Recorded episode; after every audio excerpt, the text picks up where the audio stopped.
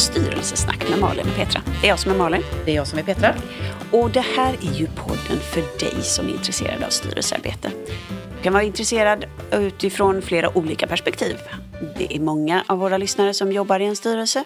Några ska precis ta det första steget in i en styrelse. Några är ägare, några är intressenter på olika sätt. En och annan VD har vi som lyssnar också. Alla är ni väldigt, väldigt välkomna. Idag ska vi prata om AI och eh, det här är ju någonting som eh, står på ungefär alla agendor. Men alla kanske inte har en riktig relation till det. Och därför så är vi så glada och vi har bjudit in Mattias Strand. Välkommen Mattias!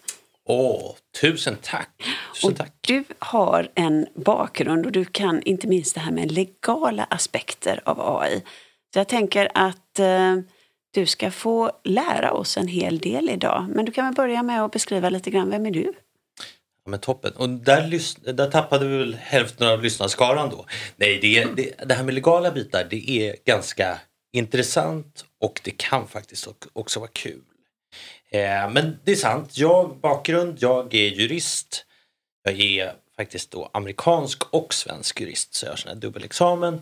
Jobbat många år både i USA och i Sverige och Europa. Både på advokatbyråer eh, men framförallt då en väldigt lång period på Microsoft där jag ledde juristteamet i Västeuropa, så 13-14 eh, länder och då så kallade jurisdiktioner. Eh, och har då jobbat väldigt mycket med liksom teknikfrågor och legala aspekter. Och då kan ni tänka er, det har handlat väldigt mycket om molnet. Mm. Det har handlat om liksom skapandet av en helt ny affärs, ett helt nytt affärstänk kring mjukvara och lösningar och liksom, eh, hjälpmedel. Som nu från molnet börjar då gå in i det här AI-området och de här nya typerna av intelligenta assistenter som vi pratar med. Och de juridiska bitarna. GDPR såklart men nu eh, den, den nya eh, regleringsmassa som vi ser från EU. Men det är lite min bakgrund. Jag är eh, engagerad som talare, eh, föreläser på universitet, på juristutbildningar och lite allt möjligt. Men det handlar väldigt mycket om, om tech och legal kan vi säga. Mm. Men om man tänker så här då att eh, det här är ett område som är ganska stort. När vi liksom, vi, det är ju sånt där ord som vi slänger oss med, AI. Ja. Eh, hur, hur, skulle du definiera, alltså hur, om man nu skulle liksom bolibompifiera det som vi brukar ja. säga med jurister när vi bjuder in dem här. Och vi ska väl kanske börja med att säga att AI är artificiell intelligens. intelligens. Yes. Kan börja Just. där faktiskt. Ja. ja. Och vad är då det? Ja, vad är då det? Var börjar man någonstans när man ska prata om detta så man sorterar ut begreppet? Ja. Eh, jättebra start. Jag tycker vi bara kan säga algoritmer. Okej. Okay. Det lät Men inte det är en viss kul. typ av algoritmer som mm. vi bara, vi kan, väl, vi kan väl i alla fall börja med sådär, det här är ju, vi, vi har kommit ganska eh, långt i utveckla verktyg och hjälpmedel. Mm. Eh, så vi ska ändå, tycker jag, understryka det faktum att allt det här är hjälpmedel för människor. Mm. Så det är hjälpmedel och eh, all typ av då, eh, om vi tar den här mjukvaran är hjälpmedel och så är den blivit mer och mer avancerad. Eh, men det är väldigt mycket, om vi, om vi tar området artificiell intelligens eh, och ja, både den etiska aspekten och så här, som vi kommer till och, och förhållandesättet och så vidare. Det, det handlar ju väldigt mycket om den här balansen mellan det, eh, människan och maskinen. Mm. Så om vi, tar, om vi tar de aspekterna, så vi tar människan, det, eh, Eh, och, och vad vi gör och så är det vad, vad kan vi liksom skjuta över till maskinen? Och, och, och hur ska vi tänka där? Och det, så det är väldigt mycket det här vågspelet. Liksom. Vi ska förenkla för människan. Den här, de här maskinerna, det ska, vara, det ska vara en förlängning av människan. Det ska inte vara något som tar över. Den är ju, den är ju väldigt viktig att börja med. Men jag tycker ändå att det är lika bra att börja där. I lite den här där skon klämmer. Det man tänker på, oj herregud, kommer AI ersätta mig? Och då brukar jag alltid när jag, när jag pratar brukar jag tänka, okej okay, den här gruppen jag har framför mig som, som vi har här när vi pratar då styrelsesnack. Mm. Eh, ja men det är väl jätterelevant att tänka oss sådär, eh, vad är attributen för en bra styrelseledamot eller en ordförande i en styrelse? Jag, jag sitter själv i styrelser och, och har en relativt bra erfarenhet av styrelsearbete. Jag vet vilka liksom, arbetssätt som fungerar bra för mig och så kan jag ju ganska väl hur aktiebolagslagen fungerar, vad det är tänkt att en styrelse ska göra och så vidare. Eh, och och då, då kommer den här omedelbara frågan, liksom, vad, vad är de viktigaste attributen?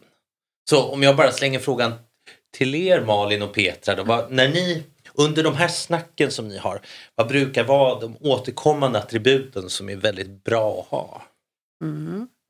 Nej, men jag tänker eh, dels att man är väldigt engagerad och eh, påläst och att man är nyfiken, att man jobbar mycket med, med eh, de strategiska frågorna, att du sätter väsentliga frågor på bordet, tittar på liksom affärslogik och affärsutveckling och framtidsfrågor. Eh, att man har de bitarna med sig. Och sen är det ju så att vi ska ju ha koll på liksom bolagets ekonomi så den, den delen behöver vi också ha med oss tänker jag. Så att, eh, ja, om jag bara skulle få nämna några åtminstone. Det, och det, jag, jag håller med. Och, och, eh, Tänk om du inte gjorde det. Ja exakt, men jag, jag, jag tycker det är, summerar så bra och, mm. och Malin nickar också. Ja men jag nickar också och det, det är väl någonstans den här eh, balansen att komma till långsiktigheten, komma till framtiden och inte fastna i här och nu och det som har varit. Även om de legala kraven på en, en styrelse mm, ligger mycket också i det som har varit, att allting ska skötas på ett bra sätt. Men att inte tappa framtiden. Inte, ja, men exakt, och då, då, då tycker jag de här attributen är, de låter ju väldigt mänskliga. Mm. Och det känns ju betryggande. Mm. Eh, för man kan ju ändå ställa sig frågan, kan man ersätta en av ledamöterna med en AI kanske? Ja. Mm. Jag har faktiskt, eh, bara för, bara för att liksom dra tillbaka lite i historien, det här var, jag vet inte om det är fem sex år sedan, då hade vi faktiskt en, en, en paneldiskussion kring just det här. Kan man ersätta liksom eh, en, en ledamot med just AI och eh, maskin till exempel då, när mm. vi ska hantera mycket information, vara väldigt pålästa, vi ska göra analyser mm. eh, och liksom behandla väldigt mycket information. Och i det arbetet, när vi hade den här paneldiskussionen, när vi bjöd in, bjöd in massa olika eh, personer för att eh, förhålla sig till den frågan, då hittade vi faktiskt att man i något, tror jag, asiatiskt land faktiskt hade registrerat in en maskin som en styrelseledamot. Nu kommer inte jag ihåg vad den hette och du kanske har den bakgrunden eller den, den historien. Eh, så. Eh, det som jag landade ner till det var ju liksom det att jag skulle ju vilja ha min egen lilla, jag kallar det för bot, som lärde sig hur Petra funkade, hur jag tittade, vad jag tyckte var väsentliga delar. Så att när jag ska analysera massa data och få massa information så kan den liksom hjälpa mig att bli mm. eh, bättre bättre och vassare eh, och processa mycket mer än vad jag kan göra själv. Exakt, och det är lite så. Jag, jag, jag började faktiskt i morse, jag frågade AI själv faktiskt. Ja. Jag, mm. jag, jag resonerade lite med Bing inför det här. Ja. Vad, vad, är relevant för, för oss att, att snacka om idag? Och eh, just, men har vi exempel på eh, styrelse, eh, användande av AI på olika sätt. Och det är definitivt så dels i Asien men även i USA. Och det finns, så det finns några exempel. Eh, men precis som du säger Petra så, så tror jag, och vi kanske kommer dit.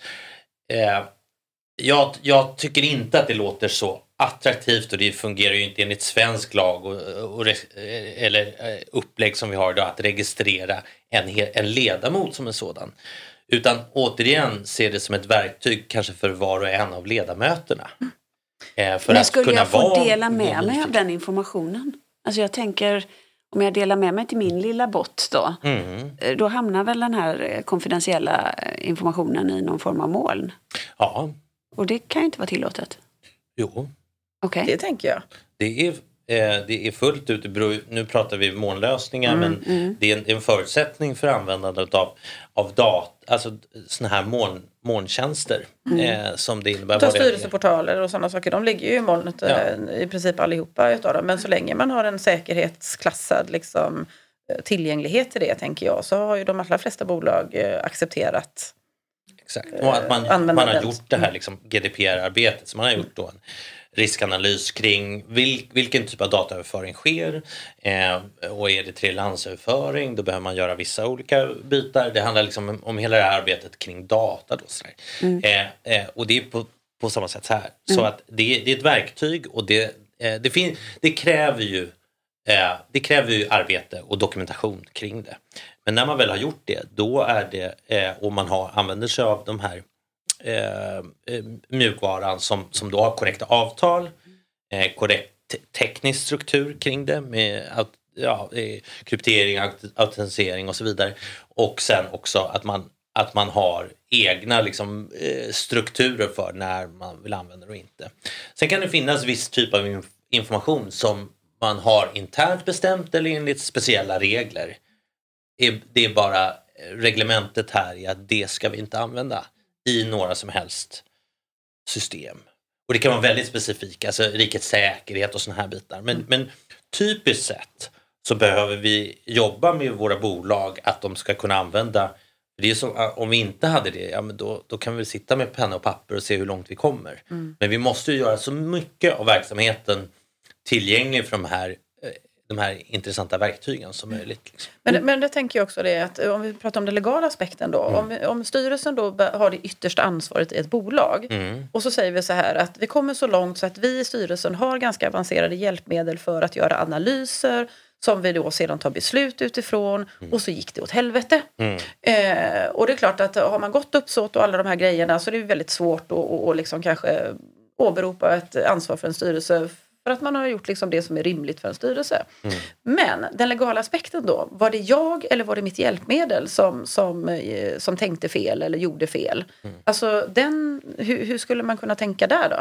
Ja, nej, men där blir det ju alltid den enskilda individen, alltså under aktiebolagslagen så är det ju mm. vad, det ansvar som vi vet då att, att vi som ledamöter har är ju då om balansräkningen, ja den, den inte ser ut som den ska under, under de värdena mm. och då kan det bli personligt ansvar. Mm. Det kan man ju inte lägga över på något, något verktyg eller att det inte, inte Nej, den, men den, tänk, den det är väl det är ganska, det är ganska enkelt tänker jag. Va? Men mm. det finns ju mycket svårare situationer tänker jag. Där, man, där, man, eh, där det är väldigt komplext och där man mm. behöver kanske luta sig mot eh, eh, ja, men komplext sammansatta underlag som ah. gör analyser som man, som man sedan resonerar kring och landar kring i ett, i ett beslut. Men det skulle ändå kunna rendera ut att det blev ja, men till exempel en skada för, för en ägare eller en skada för en tredje part eller vad det är för någonting.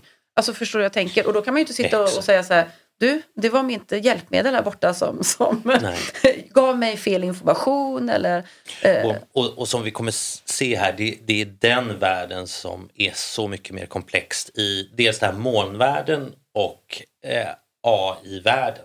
För här bygger ju de här eh, en bit är ju då du som person och användare till ditt företag. Men nästa bit är också, okej, okay, den, den, den, det hjälpmedlet är oftast byggt Eh, lager på lager på mm. varann. Mm. Det är någon slags plattform och sen så har du då en leverantör som har byggt med API som går ner i den plattformen. En, en jättebra lösning i formen av en app.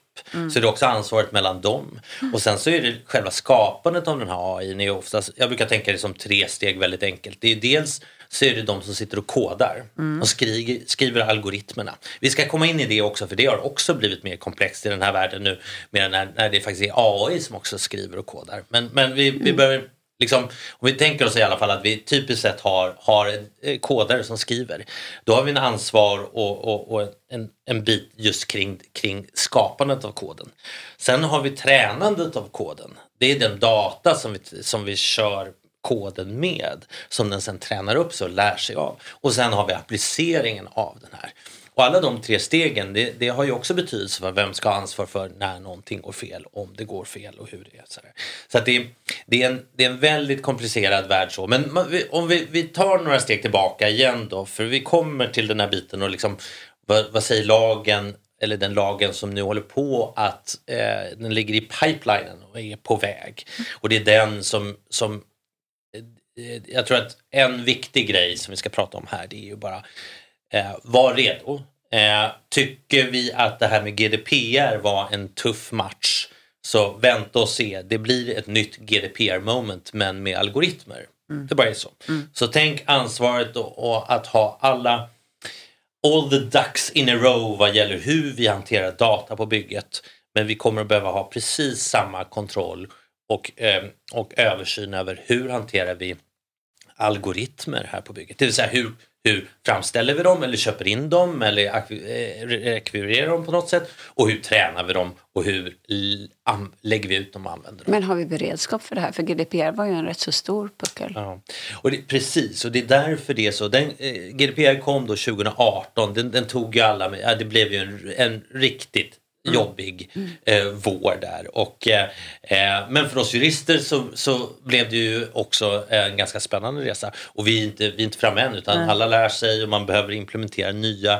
Så att vi har på många byggen har vi idag någon form av Data Protection Office eller liksom en DPO eller en person som i vart fall är, är ansvarig för det här arbetet. Och min, min spaning är att det arbetet kommer behöva utvecklas. Så att det här Data Protection Office är väl snarare någon form av eh, digital mm. eh, policy office, alltså det digitala tekniken i stort. Och då, då ser jag, det är faktiskt då, det är egentligen två ben det, eh, det här digitala har. Det ena benet är data och det andra benet är algoritmer. Mm. Eh, men, men sen har du flera aspekter på det. Dels är det ju, eh, för det kommer krav på cyber Ehm, eh, styrka också, sån här cyber resilience. Och sån lagstiftning inom EU där så fort man ska sätta en, en produkt eh, ehm, eller, eller komma ut med en produkt som på ett eller annat sätt är uppkopplad eller har, har koppling till nätet så kommer det ställas krav på att den har då en, en cyberskyddsuthållighet. Det får inte vara för enkelt. Där kan man åka på riktigt eh, stora skadestånd också. Så att det här, här blir det liksom krav som ställs åt alla håll. Men då tänker jag så här, om man ska, jag tänker på två aspekter. Den ena aspekten är liksom att det driver också eh, alltså kunskaper, kompetenser som vi behöver ha i bolagen. Mm. Och hur många sådana har vi? Alltså hur många är duktiga på det här, riktigt, riktigt duktiga på det här området som, som vi kan anställa? Att det finns, tänker jag i alla fall, en, en, en, eh, inte så många, om alla ska liksom eh, komma åt detta. Och sen så skulle jag vilja att du också förhåller dig till lite grann eh, olika storlek på bolag. För jag menar säga, majoriteten av svenska bolag, aktiebolag, mm. om vi nu ska prata styrelser, är ju under 50 anställda. Ja. Absoluta majoriteten. Ja. Eh, och hur ska de här små bolagen, de är ju redan alltså betyng, betyngda med att den personalen de har för att de överhuvudtaget ska gå runt eh, så, så, det, så liksom behövs allting till själva affären som de driver. Ja om man då ska ha regelefterlevnad och, och alla de här kompetenserna, det låter ju väldigt komplext det du pratar om. Hur i hela friden ska de här lite små och medelstora bolagen förhålla sig till detta? Mm. Och då, eh, då kommer det bli ett, ett, eh, ett enormt krav eh, och man behöver prioritera. Men om vi, om vi, om vi tar området den här algoritm och AI-frågan. Den mm. nya lagen som kommer heter då AI-lagen eller The AI Act inom EU. Det kommer vara en förordning på samma sätt som GDPR. Så vi tänker oss en ny typ av GDPR som heter AI-lagen. Eh, den omfattar vad, vad man då kallar AI-system. Och så kategoriserar man. Det finns förbjudna AI-system, det finns högrisk AI-system, det finns eh, Eh, begränsad AI, eh, risk AI-system och det finns låg ingen risk AI-system. Men de, de kategoriseras i någon av de där. Det måste man ha koll på. Liksom.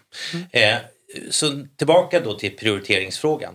De här lagstiftningarna, eh, de som AI-lagen och GDPR, alltså, det, det, är på ingång och det kommer bara mer och mer. När det kommer det här då? Eh, så AI-lagen är nu, eh, och det har varit, de har, den har jobbats på sedan 2018. Eh, det har röstats igenom eh, både eh, på, på rådsnivå och, och alltså förslaget kommer från kommissionen i EU och sen så har rådet sagt sitt och röstat och nu i parlamentet och det är frenetiskt arbete i parlamentet. Det är horder av jurister och politiker som är inblandade i det här området där man ska sätta en standard och det hoppas man blir the gold standard i hela världen så att det kommer efterföljas på samma sätt som GDPR. Så det finns en väldig prestige i det här.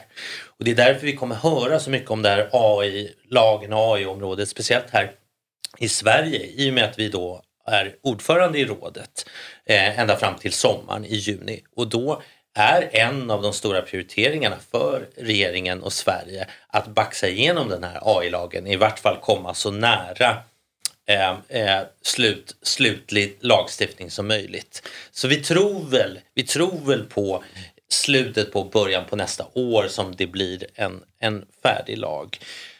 Och, om vi bara liksom så här, um, för du sa lite golden standard och att man kanske liksom då ser till ser att det kanske blir en internationell standard. Om det nu inte skulle bli det och vi har bolag som jobbar över liksom, mm. eh, landsgränser, inte bara inom EU och man kommer ha lite olika standarder. Skulle det vara direkt eh, förstörande liksom, om man inte liksom enas på någon form ja, av lägsta nivå någonstans liksom, så att det inte blir eh, mm. äpplen och päron i, i, i salladen? Verkligen så. Och det är ju eh, det är en av de stora bitarna i, i arbetet med lagstiftningen. Bara definitionen av vad ett AI-system är. Ska man då gå på OECDs standard eller inte, vilket man det nu eh, verkar bli fallet. Eh, men eh, man har ju valt lite olika vägar medan man i Europa verkligen fokuserar på reglering. Så, så har det varit mer fokus från, från USA på eh, alltså att en form av liksom industry standard och, och att man förhåll, att marknaden reglerar sig själv. Men så sent som eh, den här veckan så är det en stor snackis i USA att eh, Kamala Harris, eh, vicepresidenten, har kallat in då högsta hönsen från de stora spelarna som OpenAI och Microsoft och Google eh, till ett litet private snack om det här med eh, responsible AI och reglering. Så det är på gång där också. Men är, är man någon speaking terms då mellan liksom till exempel eh, USA och EU? Är, är så involverad, om man nu ska ha en golden standard. Båda vill komma först. Nej, och det, det, det är ju en önskan om att vara i förtur så att mm. man tar efter. Men det mm. kommer mm. inte vara. Det kommer vara förhålla, man kommer behöva förhålla sig till, till olika områden och, och det, det, här är också det som blir så hett debatterat. Vi har, vi har ju vissa åsikter om att det här med AI-arbetet är så farligt nu så vi borde mm. ta en paus. Medan andra då säger att det kan vi inte göra för då, då blir vi totalt omsprungna av Asien. Som Men jag tänker att det är precis det som du är inne på nu som, som många av våra lyssnare sitter och, och, och funderar mm. på. att Gud, det här låter jättesvårt, jättekrångligt, dyrt, mm. tidsödande vi får lägga ner för vi ska bara jobba med, med det här. Så kan ja. vi inte prata lite grann om risker och möjligheter med AI? Ja. Om, om, man liksom är inne på området som ja. sådant. Och jag tycker det är en jättebra bit för här kan man prata i eh, så mycket kring hur svårt och tufft och allt sådär mm. det blir. Men faktum är att det här är ju... Är det värt det, det, här, liksom? Det, det, det, är så värt det. Ja. Alltså det, de potentialen med de här verktygen är enorm. Mm. Eh, inte bara för styrelsearbete som vi varit inne på Nej. utan allting. Jag, jag, är, jag är helt, jag är så fascinerad av AI och det, den styrka det kan ha som hjälpmedel till människan. Mm. Eh, och det här är inte, det är inte rocket science ändå vill jag säga. Så att jag börjar, vi började lite, lite tufft här med liksom hur mycket jobb vi har framför oss. Men jag vill verkligen att vi ska se det här som en som i allt regelefterlevnadsarbete det vill säga compliance. Vad är det? Ja, men det, eh, compliance är en muskel. Det är en muskel som man behöver hålla eh, spänstig och, och eh, vältränad och vid liv. Och som, som ledning av ett företag eller som, även som överseende eh, företagsaffärer som en styrelseledamot eller ordförande då både och har då att se till att har vi tillräckligt bra arbete runt den här muskeln? För det, det, det, det kommer inte fungera att inte ha en, ett aktivt tänk runt det. Vare sig det är en person som har att göra alla de här bitarna eller att man har lagt ut det helt externt eller att man har en arbetsgrupp. Men, och, och här blir det då, här handlar det om att, att jobba med den muskeln och börja redan i, i, i, i tid alltså. Det är därför jag tycker det är så jättespännande att få chansen att prata här hos er. Jag tycker att man från styrelsens håll ska redan nu börja tänka så här och be sin nu, nuvarande ansvarig på liksom data och IT-området att också ha en plan för utbyggnaden av algoritm som en, som en, som en bit i det tänket. Och sen tar det steg för steg. För det är ändå så att som vi säger, lagstiftningen är, det är jättepolitiskt, det är jätteinternationellt, det är jättemycket grubblerier kring det här. Det kommer ta en liten tid ändå, men om vi säger att i början på nästa år så blir det här en direktverkande reglering på samma sätt som GDPR i EU. Då kommer vi också ha en viss sån här grace period mm. genom vilken vi behöver förhålla oss till den och den är på två år. Men det här är inte snutet, alltså det här tar lite tid att jobba med. Så att idag har vi tid att göra det. Så den, den styrelsen med lite framtid, precis som du var inne på Malin, vad en, vad en bra egenskap? Det är att se lite längre än näsan räcker här från styrelsens perspektiv och börja investera i tänk och projektarbete kring det. Och då tycker jag det är jättebra att börja med så här, kan vi kanske utröna vad har vi för möjligheter med AI? Använda de här verktygen internt. Och, och det interna eh, AI-verktygen, det är ett jätteintressant område, också ganska problematiskt. Om vi tar HR exempelvis. Det finns ju många som menar på att det är väl enormt värdefullt att kunna använda sig av AI-motorer som skannar eh, CVn och resuméer och, och, brev och sånt som kommer från externa håll för att göra ett gediget arbete. För det är faktiskt så att på så sätt så kan vi få bort den här subjektiva farligheten, mm. liksom att vi börjar anställa bara sådana som är likadana som oss själva och känna igen dem. Utan här är en möjlighet att objektifiera det här och göra det också väldigt datastyrt och bra. Eh, men då ska man också ha en, komma ihåg att med det finns det också väldiga risker.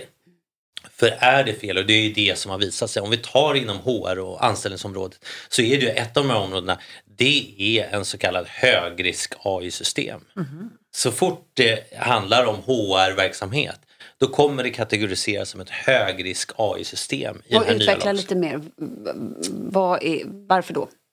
Jo, för att det har med det, det är en enskild persons mm. verkligen viktigaste saker som kommer att påverkas. Mm. Om vi säger då att vi i vårt lite naiva tänk känner att Åh, här har vi ersatt liksom hela vår granskning av, av, av CVn som kommer in här på bygget med den här motorn så vi har tagit bort den här subjektiviteten. Men så råkar det vara ett system som likt vi har ett, vi har en, ett exempel på ett Amazon AI-system som började diskriminera totalt och tog bort alla CVn som, som nämnde ordet kvinna eller kvinnligt eh, då, i det här fallet. Det finns mängder av sådana exempel. Så i USA har vi nu en lag i New York State som hanterar hur du får och inte får använda AI just i anställningssammanhang. Eh, så, så det finns sådana möjligheter men det finns saker att tänka på. Och då inbillar jag mig att då finns det man ändå använder AI så, så finns det någon form av, det är jag som använder systemet som har en bevisbörda att, att det blir korrekt, att det inte sker sådana här felaktiga diskrimineringar till exempel. Eller hur? Eller får jag bara oh. inte använda det? Eller bara, bara mm, nu är jag mm. jättekonkret ja, här. Ja, men det är jättebra. För då, om vi tar det exemplet, mm. det är jättebra att vara konkret. Vi, mm. vi säger att vi, vi, har en, vi har en sån här... Jag tycker det låter jättefiffigt. Jag är, jag är vd, jag vill spara pengar. Jag tycker att, att eh, Pelle som har suttit och, och, och granskat det här har gjort ett halvdant jobb. Mm. Och jag säger AI kan göra det bättre. Mm. Vad Exakt. måste jag tänka på då? Då ska du tänka på att då ska ju Pelle eh, förstärkas med ja. AI-hjälp men inte ersättas till att börja med. Mm. Eh, det, är ju, det, är, det är ju en, en komponent när man rör, har att göra med det som då kategoriseras som högrisk AI-system.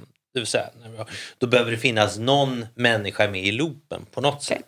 Mm. Och kanske kolla det efteråt. Så. Det behöver dokumenteras, man behöver ha tänkt igenom sakerna lite. Så att rationalisering givetvis, men, men vi kommer ju, och då kommer vi faktiskt tillbaka lite till där vi började i just det här med att ersättning av, vi kommer att behöva jobba på så mycket nya sätt mm. med de här verktygen. Jag använder, jag använder Bing dagligen och den här ChatGPT eh, eh, funktionaliteten som är egentligen någon form av så här konversation med internet. Så, så, så där jättesteget från att man, eh, att man söker så, så konverserar man. Eh, men jag ser det som en, en, en tydligt junior assistent till mig som jag alltid måste vända och vrida lite på det som kommer och justera och det är inte alls på något sätt en sanning så. Men det, det får mig att spara tid och får mig ibland också att tänka på en ny aspekt. Som den aspekt jag hade i morse då när jag pratade med min juniora assistent som tog upp det här faktum att ja, det är faktiskt, faktiskt så att styrelseledamöter kan, man, man kan ju tänka på liksom ersättningsbiten också. Men när jag har lett juristteam som har varit lite oroliga kring det här med kommer vi ersättas av AI? Eh, då brukar, och då har jag faktiskt en, en, en god vän och en, en chefsjurist kollega i, på, ett, på ett större svenskt bolag som sa det till sitt team. Jag tycker det var så bra sagt. Han sa då, ja men om vi tittar på de, lista på de jobb som kommer försvinna här som är resultat av det. Så är det ju liksom, eh, det är ju revisorer och den biten som är högt på listan. Och så är det ju då eh, präster och terapeuter och så som är långt ner. Så ha det i bakhuvudet när ni tänker på vilken typ av jurist ni vill bli för att ha kvar ett jobb.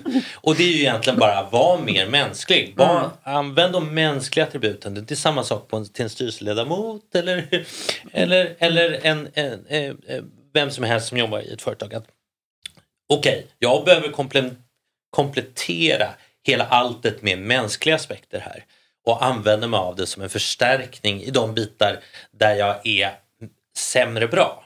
Och då kommer vi in på nästa fråga som är ganska kul. Så här, när bör man, hur bör man tänka på det där? Då? Och då brukar jag ställa frågan så där Om, om, om ni har chans att välja flygbolag ni tar.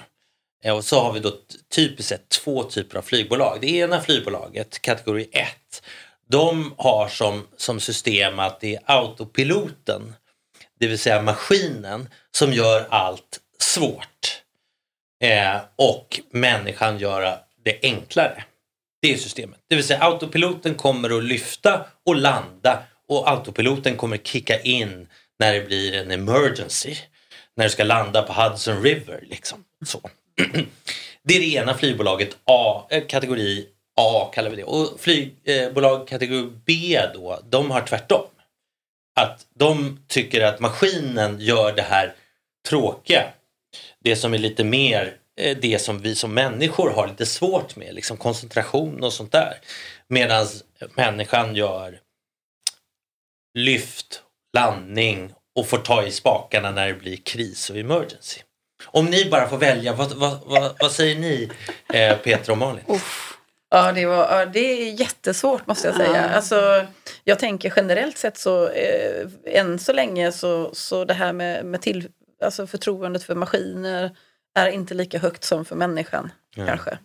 Eh, så, så att, eh, men det låter ju mer som den första egentligen. Mm. Om den är vältränad så skulle jag vilja säga. Mm. Jag vill ju veta hur vältränad den är. Mm. Ja. ja. För jag ja, vet det kommer ju inte ha en då, dålig dag. Det är inte så nej, att nej men alltså en, en pilot Den kommer inte vara bakfull. Och lite. Mm. Sovit för lite. Mm. Eh, grälat tänkt, hemma. Ja, grälat hemma eller något sånt där. Nej men så, så ur det perspektivet så skulle man ju ändå tycka att maskinen, men det är ju tillbaka till liksom, ja men ändå. Hur många start och landningar har den gjort? Hur många krissituationer har den hanterat? Mm. Det vill man ju veta. Och där har man väl kanske lite mer kunskap kring att är du pilot så vet du, eller jag, hyfsat i alla fall, att de ska ju med jämna mellanrum liksom träna sig i simulatorer och ja. kunna liksom hantera de här situationerna. Så, så det är väl nog mer att vi har liksom det gamla historiska med oss när vi svarar på den frågan. Ja. Det, ja, för jag tror att du, eller du sätter verkligen fingret på vad det handlar om också. Det är inte bara att säga så här, människa eller maskin och bara ta det valet. Men, men typiskt sett så tänker man ju så här, människan kan man lita på när man sett den här filmen. Vad heter den här filmen med Tom Hanks? När han landar på Hudson River. Då är det är ett exempel på då, ja. det är verklig mm. händelse. Men det, människan överträffade ju maskinen där. Mm. Yes. Han lyckas med det omöjliga. Mm. Och inte ett liv går till spillo och han landar på Hudson River. Eh, sen har vi det här andra exemplet med, eh, det var en österrikisk pilot som hade självmordstankar och ja. kraschade mm. hela planet. Mm. Där var ju människan kanske inte lika bra. Sådär. Då hade mm. man kanske hellre velat ha en autopilot som kickade in i fara. Så, men, men som du säger Petra så tror jag, för jag brukar oftast få huv, huvudgruppen av min publik när jag pratar om, om det exemplet brukar ta, nej men nog, jag, jag tar nog hellre människan som gör det svåra. Mm. Eh, när det väl är kritiskt så vill jag ha den välutbildade piloten. Mm. Och det, jag tyck, jag, frågan är om inte jag också skulle känna det. Men då är ju nästa problematik hur länge till kommer jag vilja ha det så? Mm. För om människan bara gör de här små grejerna då kommer ju inte människan bli så bra. Vi Nej. är ju inte lika bra bilförare längre. Liksom. Mm. Nej. Så ja, det, så det, det, är, en det är lite hönan och ägget. Mm. Så vi kommer att få fortsätta och liksom ja. omdefiniera våra roller i allt vad vi gör. Mm. Läkaren som använder AI för mm. att detektera möjliga cellförändringar eller, eller såna här röntgenbilder och mm. riktigt se mm. saker. Jag tror, ju bättre de här systemen blir så kommer det bli väldigt svårt för människan att säga så här, men jag tror inte på det där riktigt. Mm. Utan jag kommer att säga nej mm. eh, eller ja då mot vad maskinerna har sagt. Men där har du väl det mänskliga igen. Att, att jag, jag, skulle gärna, om jag var riktigt sjuk så skulle jag gärna vilja använda hela AIs globala mm. Liksom kompetens att upptäcka saker. Men sen vill jag ha en riktig människa som förklarar för mig att nu är det det här Malin. Exakt. Så. Ja. Och som kan läsa mig och som kan förklara lite mer. Ja. Uh, så, och sen och, går jag hem och googlar eller snackar med ChatGPT. Så, så, så det är ett område som kommer, det, det här kommer ju fortsätta att vara så mycket i media och så mycket i vår samhällsdebatt just kring det och speciellt nu när vi har det här skapande AI, alltså generative AI och allt det skapar i form av texter och, och, och föredrag och, och sådär. Det är helt fantastiskt bra. Men det kommer ju då att vi kommer behöva prata om mer om det här med liksom hur, hur, ska vi, hur ska vi tänka och förbereda oss för det här ansvaret som mm. någon behöver ta kring det maskinen gör. Ja, och input och källkritik blir ju oerhört mycket mer viktigt. Ja, för det, för det funderar jag lite grann på. Om, man, om du tittar, liksom, nu sitter vi ju idag, liksom, mm. det är med, dem, med dagens glasögon som vi får svara på frågan, tänker jag. Ja. Hur tycker du att debatten går i media? Hur tycker du att eh, politiker just nu eh, responderar på det som händer eller liksom förhåller sig till nya regelverk och liknande? Eh, och, och liksom, vad, hur ska jag kunna med rätt glasögon granska eller förstå eller eh, utvärdera det som finns i media och det som pågår politiskt liksom, för att liksom landa ja, men, eh, om jag inte tränade källkritik på ett område, hur ska jag då kunna vara källkritisk med kvalitet? Just det. Och, och har du någon, liksom, så här, finns det någon alltså, institut eller finns det något ställe som jag kan, i Sverige i alla fall, vända mig till eller inom EU där jag kan liksom ändå, okej, okay, det här är åtminstone det som mm. någon form av eh, fakta som jag kan förhålla mig till. Sen kan de hålla på liksom eh, bäst ja. de vill. Nej, men det, det krävs ju eh, en fortsatt debatt och nu har det ju inte varit så mycket om vi ser från politiskt håll så mm. har vi ju från det att vi för några år sedan hade en ganska mycket prat om den eh, alltså AI-agendan för Sverige och så vidare. Och, och, och vad var ambitionen här och, och, och var världsledande och dra nytta av de nya systemen och så vidare. Så, och, och självklart under de gångna eh, fem sex åren har det varit enormt många seminarier i Almedalen överallt om AI och etik. Och det är ju intressant. Så det drar ju åhörare och jag har varit med i så många av dem samtalen. Men det behöver fortsätta och det behöver bli mer och mer konkret. Eh, och, så det är rätt men det, det, det, får inte stanna vid det här liksom stora intressanta bilden om liksom etik och AI utan, utan rakt av konkret. Jag, jag hade en jätteintressant föreläsning för eh, i, i Florens eh, förra månaden med, eh, i, med då finansinspektionerna i Europa och Europeiska centralbanken och kommissionen med mera om användandet av så kallade subtech. Vet ni vad det är? Det är då helt enkelt supervisory technology. Så det är ja, Mm. Vilken typ av AI kan Finansinspektionen mm. och bör man använda mm. för att detektera då konstiga penningströmmar eller farligheter eller, eller oegentligheter och så vidare. Så att alla grenar börjar ju mer och mer tänka hur kan och ska vi använda de här verktygen? Så den, jag tror att det även i bara vanligt företagstänk ska vara okej, okay, det, här finns här och det finns här i formen av egenutvecklade eller så kallad infused. Det vill säga i de system och mjukvara vi använder idag mm. så börjar det poppa upp överallt. Om vi tar min gamla arbetsgivare Microsoft så har ju det överallt. I hela serien av liksom Office-produkter så är jag överallt. Det kommer behöva vara ett, ett tänk och ett ansvars eh, formulering kring, kring de bitarna också. Som man visserligen får mycket hjälp av de stora företagen för de får ju skapa liksom som basen för det där policyarbetet som man behöver ändå ha.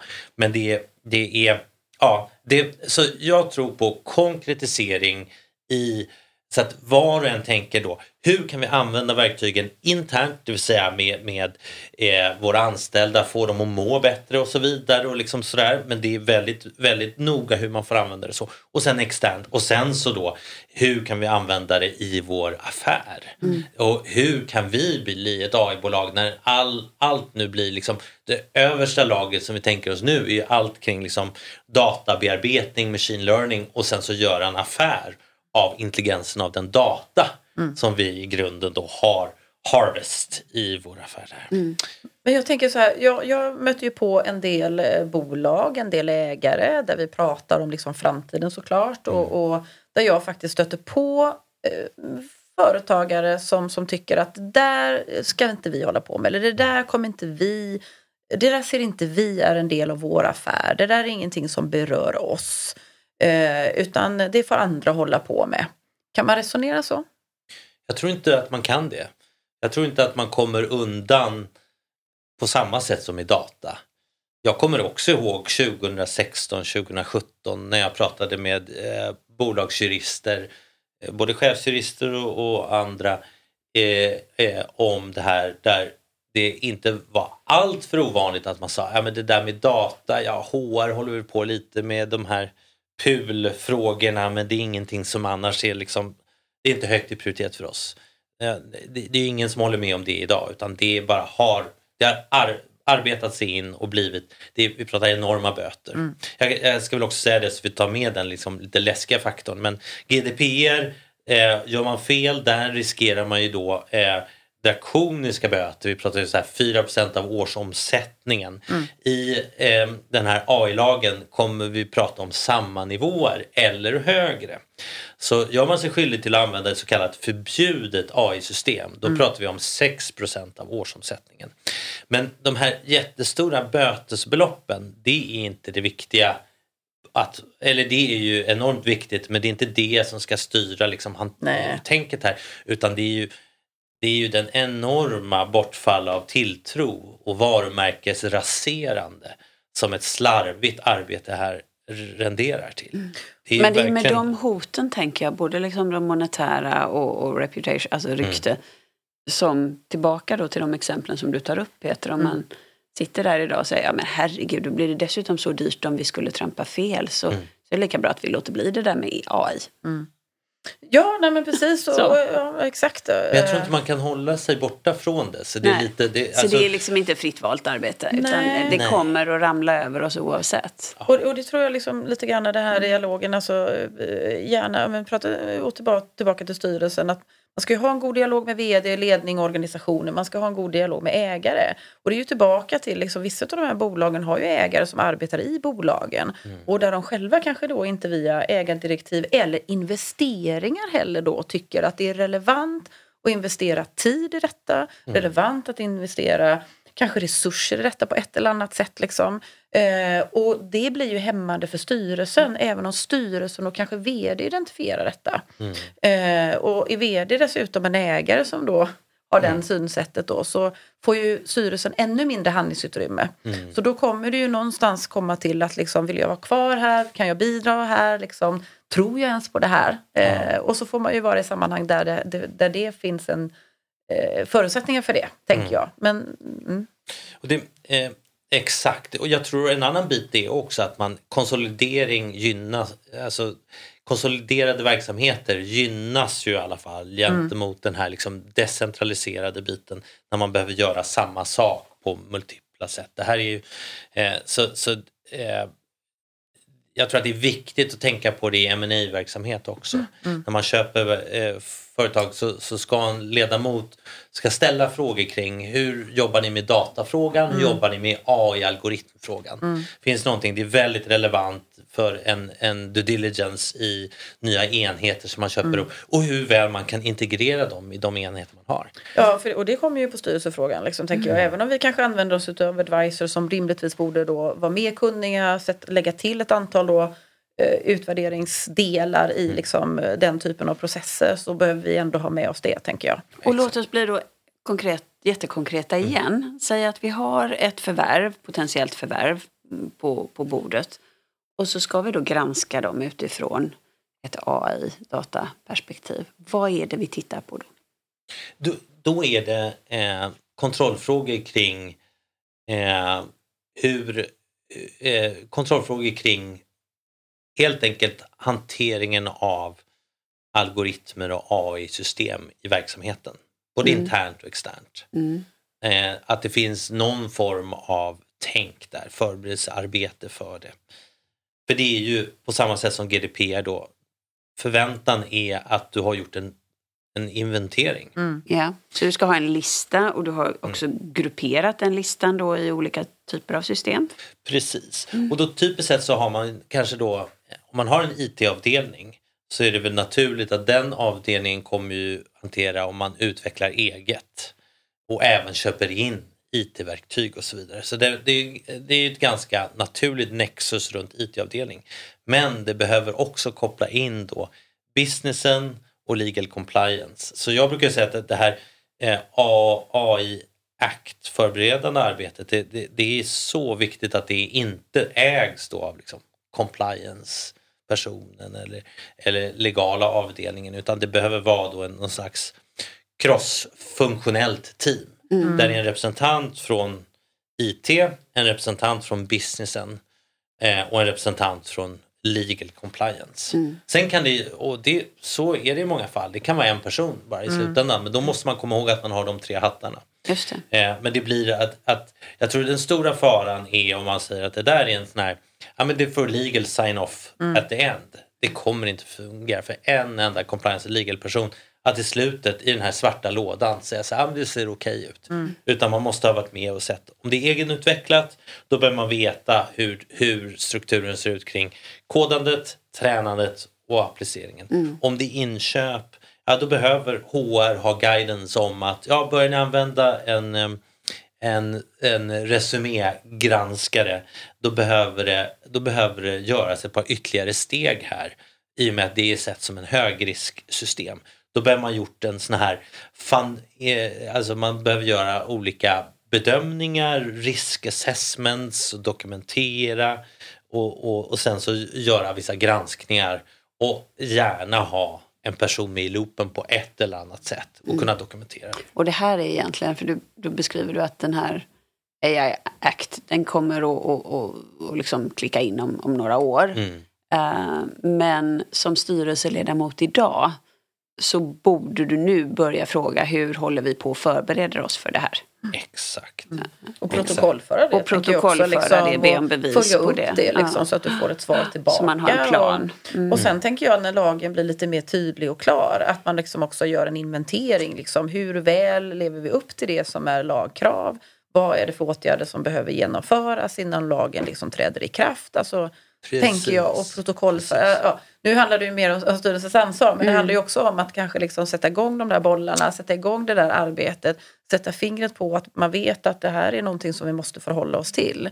Eh, och det är ju rimligtvis liksom styrelsen ändå ansvar, ja. tänker jag. Ja. Vad, vad, kommer det vara för tillsynsmyndighet för det här eller vad, hur, hur kommer man tillse detta? Ja, och det är ju fortfarande disk, under diskussion. Ja. Men det är ju det som är svårt. Det kommer, dels så kommer det finnas centrala myndigheter inom EU som, ja. som, som man tillsätter. Men sen så även då i de olika medlemsstaterna. Mm. Eh, och det ligger väl nära till hands att, att eh, då IMU, eh, mm. tidigare Datainspektionen, numera då Integritetsmyndigheten, kommer att ha en del definitivt. Mm. Eh, men vi har ju även andra myndigheter. Eh, så, eh, kommer det vara delad vårdnad alltså? Ja, eh, och det kommer vara, det här kommer vara en hel industri som växer fram. Ja. För det kommer också krävas att man gör att man håller på med olika så kallade sandboxes, sandlådor. Mm. Eh, det, är bara, det är bra att ha lite, att man har hört begreppen förut. Alltså, eh, sandbox eller sandlådor, helt enkelt så skyddade miljöer där man testar system. Och det ska kunna erbjudas både liksom på EU-håll men även på medlemsstatshåll. Mm. Och, då, eh, och det kommer ju vara hur många, det kommer ju finnas privata aktörer som jobbar med det.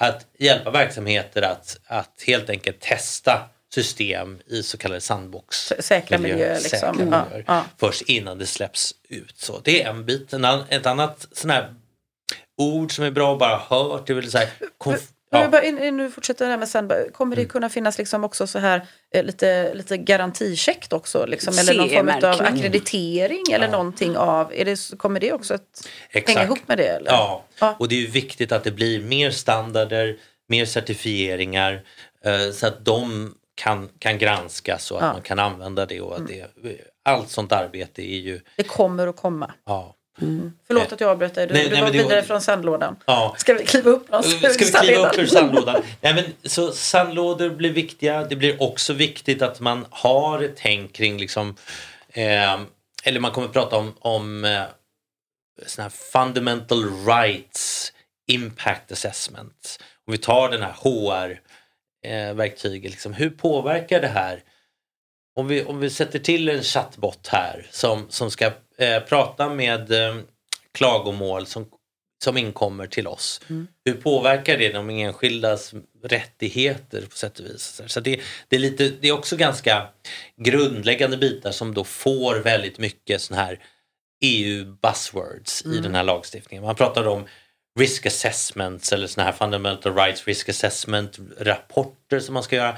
Eh, conformity assessments är en annan grej. Hur väl stämmer det här systemet med någon slags industristandard på området? Det är de här conformity assessments. Så allt blir lite EU-lingo mm. eh, eh, använt. Men det, och, så det är väl, det är väl ett, ett område. Det andra området är ju där, där vi nu det, det är bara så, såna heta potatisar för det är så spännande områden. Och det är ju ja, AI som jobbar med här känsloigenkänning exempelvis. Eh, jag brukar alltid använda den här appen Seeing AI. Har ni, har ni testat Nej. den någon gång? Nej. Eh, det, det, är Microsofts app, det är en utvecklare på Microsoft med, med, med synnedsättning eh, som utvecklade en, en app som du, och den, den är jättespännande. Den, den kan du då ta bild på en person så, och sen så, så säger AI det här är en eh, 35-årig man som ser glad ut. Mm -hmm. eh, med, med, med brunt hår som ser glad ut. Eller mm. så, och, och, och, och gör en bedömning så. Eh, den har även andra funktioner så den kan bedöma en miljö. Ja, det här är en äng med en flicka som kastar en orange frisbee. Liksom så, så det är väldigt spännande eh, intelligens i det. Men man, med de typerna av verktyg så kan man också tänka sig oj vad läskigt det här kan missbrukas. Mm. Så vi ska börja mm. liksom, mm. Även om det finns möjligheter här att börja detektera känsloyttringar hos människor och, och tänkt vad tror vi om deras ålder och så vidare. Så de systemen kommer att regleras och det kommer man ju inte få använda på hur som. Hur som. Och inom och vi kommer ju ha, vi kommer ha så mycket debatt kring det här med också nu när vi ska ha mer säkerhet, när vi har så hög brottslighet, så vill man ju å ena sidan ha säkerhet och, och ha polisiära utrustningar som är jättelångtgående egentligen. Där vill vi väl begränsa eh, så mycket som möjligt av det här, det vi inte tycker om. Men hur långt ska vi gå där då? Så det, Man vill bara att ena sidan ska ha det här egentligen. Ja. Så mm. det, det kommer diskuteras. Sen så inom det politiska, typiskt sett inom EU och den här AI-lagstiftningen så blir det mer från den, eh, den konsumentskyddsvänliga falangen vill jag ha mer konsumentskydd så att konsumenten inte eh, råkar illa ut. Medan den andra falangen som kan beskrivas som den mer liberala vill ha mer liksom, möjligheter till innovation. Mm. Och då blir det ju problematiskt för den här innovationsarmen om man ser till att det beläggs med för mycket restriktioner kring sån här open source-arbete liksom där det fritt används och byggs på annat. Men vem tar ansvar för slutprodukten sen? Mm. Det är sådär. Mm. Och de här generative eller general purpose AI-funktionerna. Det är ju fantastiska framsteg som görs men hur vem ser till guardrailing the totality of it? Är. Alltså, vi, vi har framför oss en jättespännande... det, det låter som vi får bjuda dig tillbaka. känns som. Men, lite så. Men du, finns det, om man liksom nu är i Sverige, sitter och funderar, lyssnar på detta och tänker så här wow. Eh, jag fattar grejen, jag vill ta till mig detta, jag vill öka mina kunskaper. Jag vill också förstå lite grann eh, liksom vad kommer det landa ner i? Kan jag hitta något ställe? Liksom, finns det någon organisation, finns det någon intresseorganisation i Sverige som samlar ihop det här så jag kan få en bra överblick och bara börja någonstans? Ja, just det. det eh... Eller är, är, det plenty eller finns ja, det? det? Ja, det finns ju jättemycket och äh, jättemycket äh, på både liksom på businesshåll och även eh, vi har som alltså, går till mynd, på myndighetssidan också. Mm. Vi har ju ändå digitalisering, alltså DIGG i Sverige som också skriver mycket om området så vi får inte glömma all, all den, allt material som tas fram. Men jag tycker ju som en bit som, som man kan utnyttja mer som egen entreprenör eller, eller, eller representant för ett mindre eller medelstort bolag är ju också att använda sig av de stora spelarna på området. För de tvingas ha väldigt mycket policy reglering och hjälpmedel. Så alla de här plattformarna, och då ska jag inte på något sätt vara partisk på, mot, eh, och bara prata om min tidigare arbetsgivare utan vi har de, de stora, typiskt sett amerikanska aktörerna har, börjar man bara med enk, enkla frågningar på internet så har man väldigt mycket material mm. att bygga vidare på och använda som sina egna resurser i formen av vad är värdeord som vi på bygget ska ha? Mm. Så jag tycker, jag tycker ju där, att det är där man ska börja och vara lite eh, in, Alltså inte, inte ha skygglappar utan bara säga så här. Om, om vi i styrelsen nu eh, identifierar det här är ett framtida område. Vi som en framtidsseende styrelse, vi ska bara kicka igång det här arbetet och vi vill se lite, lite att, att det händer saker. Mm. Då ska man ju börja med de principerna. Vad har vi för hu huvudprinciper här på bygget? Vad ska vi stå för? Och den ska liksom de principerna ska ju komma ner till de principer som vi också har när vi tänker te teknologiskt eller digital. Liksom. Mm. Mm. Och då blir det våra digital principles och sen så blir det de värdeorden och hur, hur konkretiserar vi det? Och allt sånt finns, och det kan jag säga, alla de här stora eh, molntjänst eh, och, framförallt AI-leverantörerna, de har sånt. Och de har mallar och videofilmer och grejer. Så det skadar inte att botanisera runt Man kan googla runt lite grann. Mm. Och göra mm. mycket av det till sina egna och så sätta mm. ansvariga champs. Men och som styrelse då egentligen att, att uppdra åt företagsledningen att, att ge oss uh, det här. Jag, jag, tänker på en annan sak. Um, och som jag drar parallellen som du gjorde tidigare med GDPR. Mm. Och även i viss mån kring hållbarhet och nu som ska upp ett, två och sen tre. Eh, om jag fortfarande är det, det lite mindre bolaget och så är du leverantör. Ja. Eh, alltså det har ju fått väldigt mycket, de här andra mm. regleringarna, mm. GDPR, har ju fått väldigt mycket följdverkningar i att det stora bolaget som köper från, från mig som litet bolag ställer krav och jag ska liksom kvittera av att men jag har järnkoll på GDPR, jag har järnkoll på ScopeX. Um, ehm, kommer det vara samma sak här? Ja, så, eh, så bra eh, poäng du har där Malin. För det blir väldigt mycket att de här en, ett sätt att jobba med är ju bara att jobba med eh, supply chain. Bara uh. trycka ner uh. allting ner i värdekedjan. Och sen blir det helt så här, det här är ju det här är bara löjligt. Och då, så blir det ju lätt inom det område vi kallar då ESG. Environmental, Social and Governance. Och det är ju ytterligare ett EU-område där det kommer vara så mycket arbete och så mycket jobb. Hur rapporterar vi om det arbete vi gör inom Environmental, Social and Governance? Och då kan vi faktiskt komma ihåg att, att AI kommer ju vara, det är kopplat både till social och governance. Kanske, kanske inte då direkt environmental, men där behöver man ha någon form av, så här, både inom social och governance kommer man behöva ha ett, ett digitaltänk, digitaliseringstänk kring det i, i rapporteringen. Men eh, tillbaka då till hur, hur eh, eh, vad, vad, tror vi om det området? För jag tror att inte riktigt på samma sätt som i det här när man trycker ner de här kraven på leverantörerna i ESG-sammanhang. Det, det, kommer man göra, men man kommer inte ifrån. Eh, på, på samma sätt som GDPR så är det ändå liksom vårt eget arbete som kommer vara i främsta fokusen. Men är man då en leverantör till spelare så då ska man ändå förbereda sig på att de här behöver ha klartecken från oss kring att vi har våra ducks in a row när det kommer till data och algoritmer. Eh, och då skulle jag bygga så mycket jag kan på det de, de, de plattformarna gör. För typiskt sett så är man ju, säg att du, att du har utvecklat en app, eh, så är den på en plattform. Och då, då bygger du bara en liten bit ovanpå. Så till din kund sen som kräver hela alltet, de vill inte, de, då, då får du ju ta det som den här plattformen har. Eh, och, och nyttja den till, på bästa sätt och lära din, din kund. Ja, det är ingen fara. På samma sätt som molntjänster. Liksom. Vi använder oss av, av den här molntjänsten eh, och då är det, då är, då, de har det här liksom GDPR-upplägget och de har det här AI-regleringsupplägget och det är det som, som det handlar om. Så man pekar väldigt mycket på de här stora plattformarna. tror jag. Ja. Mm. Ja, oh, nej, jag blir så man blir ju alldeles till. Men superspännande tänker jag. Och, och, och, och lite läskigt bli, alltså. Ja, men man får inte bli matt av det här. Nej, man måste nog få energi ju, ja. och se så här. Mm. Det här alltså, nej, men jag tänk, nej, men jag tänk, det, det som jag är inne på, eller det som, det som eh, eftersom jag är styrelsearbetare så kan jag ändå känna, vi har pratat liksom om hållbarhet, vi har pratat om regelverk, det kommer mer och mer. Alltså det är klart att man någonstans känner liksom, vi ska driva bolag.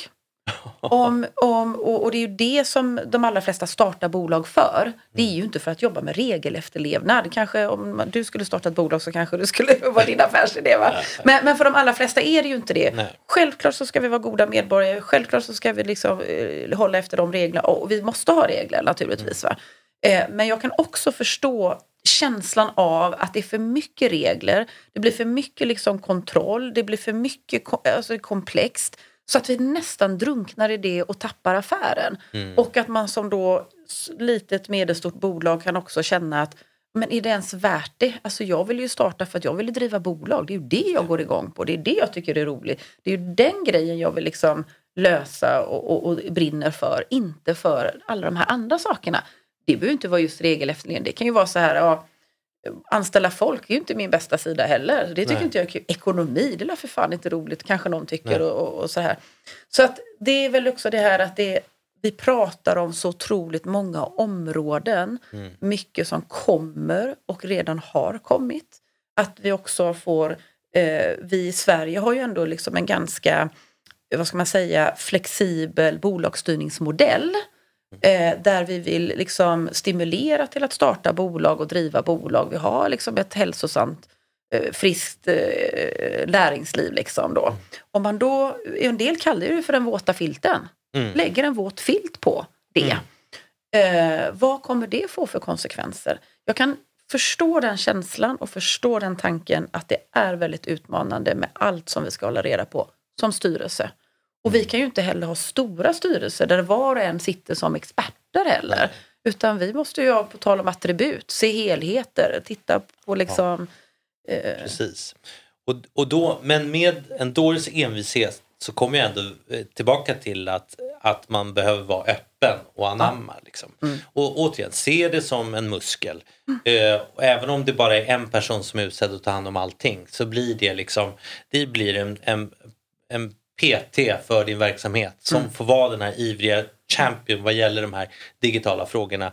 Och sen bara sätt dem på att i alla fall ut, utrett kring vad behöver vi tänka på, vad har vi gjort och dokumentera det så mm. att man liksom, arbetet kommer igång. Mm. Så att de här, liksom, om vi kallar det det här digitala frågorna kommer eh, som en central bit för det kommer vi inte ifrån. Vi kan inte längre bara stänga garderoben och bara inte våga öppna den. Eh, mm. den, den det blir för mycket bråte i den där. Och jag, det är inte heller, man kan göra allting komplext men man, här är ju konsten då från styrelsens sida att inte göra det här till rocket science och inte, inte uttrycka det som rocket science. Så nu har vi använt lite buzzwords och, och komplicerat saker hit och dit och sådär men i slutändan är det sådär hur, hur ska vi här på bygget bara se till att vi har tänkt på de här sakerna innan det blir ett läge. Mm. Då har vi tänkt i förhand och vad är vår, vad är vår policy och våra principer och hur, hur bara kollar vi det? Mm. Och sen tänker jag också det här som du säger, de här cross-functional liksom då med, med ehm, eh, IT, eh, legal och business. Mm. Att, man liksom, att det är inte ens fråga utan att det måste vara en kombination av dem ja. eh, tillsammans som, liksom som är med och svarar på det här. Och, och det, och det är en jätte, jättebra mm. poäng. Mm. Och där finns det och det kommer ju finnas verktyg för det också. Ytterligare mm. verktyg. Mm. Men alltså typiskt sett liksom CRM-typ lösningar mm. där det här samarbetet ska kunna ske. Och då är det dokumenterat så har man i alla fall gjort det. Mm. Sen kan det vara myndigheter eller kontrollorgan som säger att äh, men ni har inte gjort bra jobb här. Men de har i alla fall gjort någonting. Ja. Och jag tänker också att, att här, jag, varit, jag Alltså tiden går ju så fort mm. när vi lär oss saker mm. hela tiden. Så att vi ska börja avrunda här tänker jag. Um, men det är också så att om man jämför det här området med andra områden med, områden med, med, med stora regelsystem så är ju AI i sig någonting som ska gynna affären. Så att jag tycker det är ändå, det är lite sådär, åh, oh, det kommer att bli bra det här och så får vi liksom se till att sköta oss utöver det. Mm. Så att jag, jag tänker att vad, vad vi har fått med oss är en massa kunskap eh, från dig idag Mattias. Eh, men också det här att ja, men gå hem och börja någonstans. Börja som styrelse ställa några frågor. Men också tänker jag ställ frågor om hur ska vi dra nytta av AI?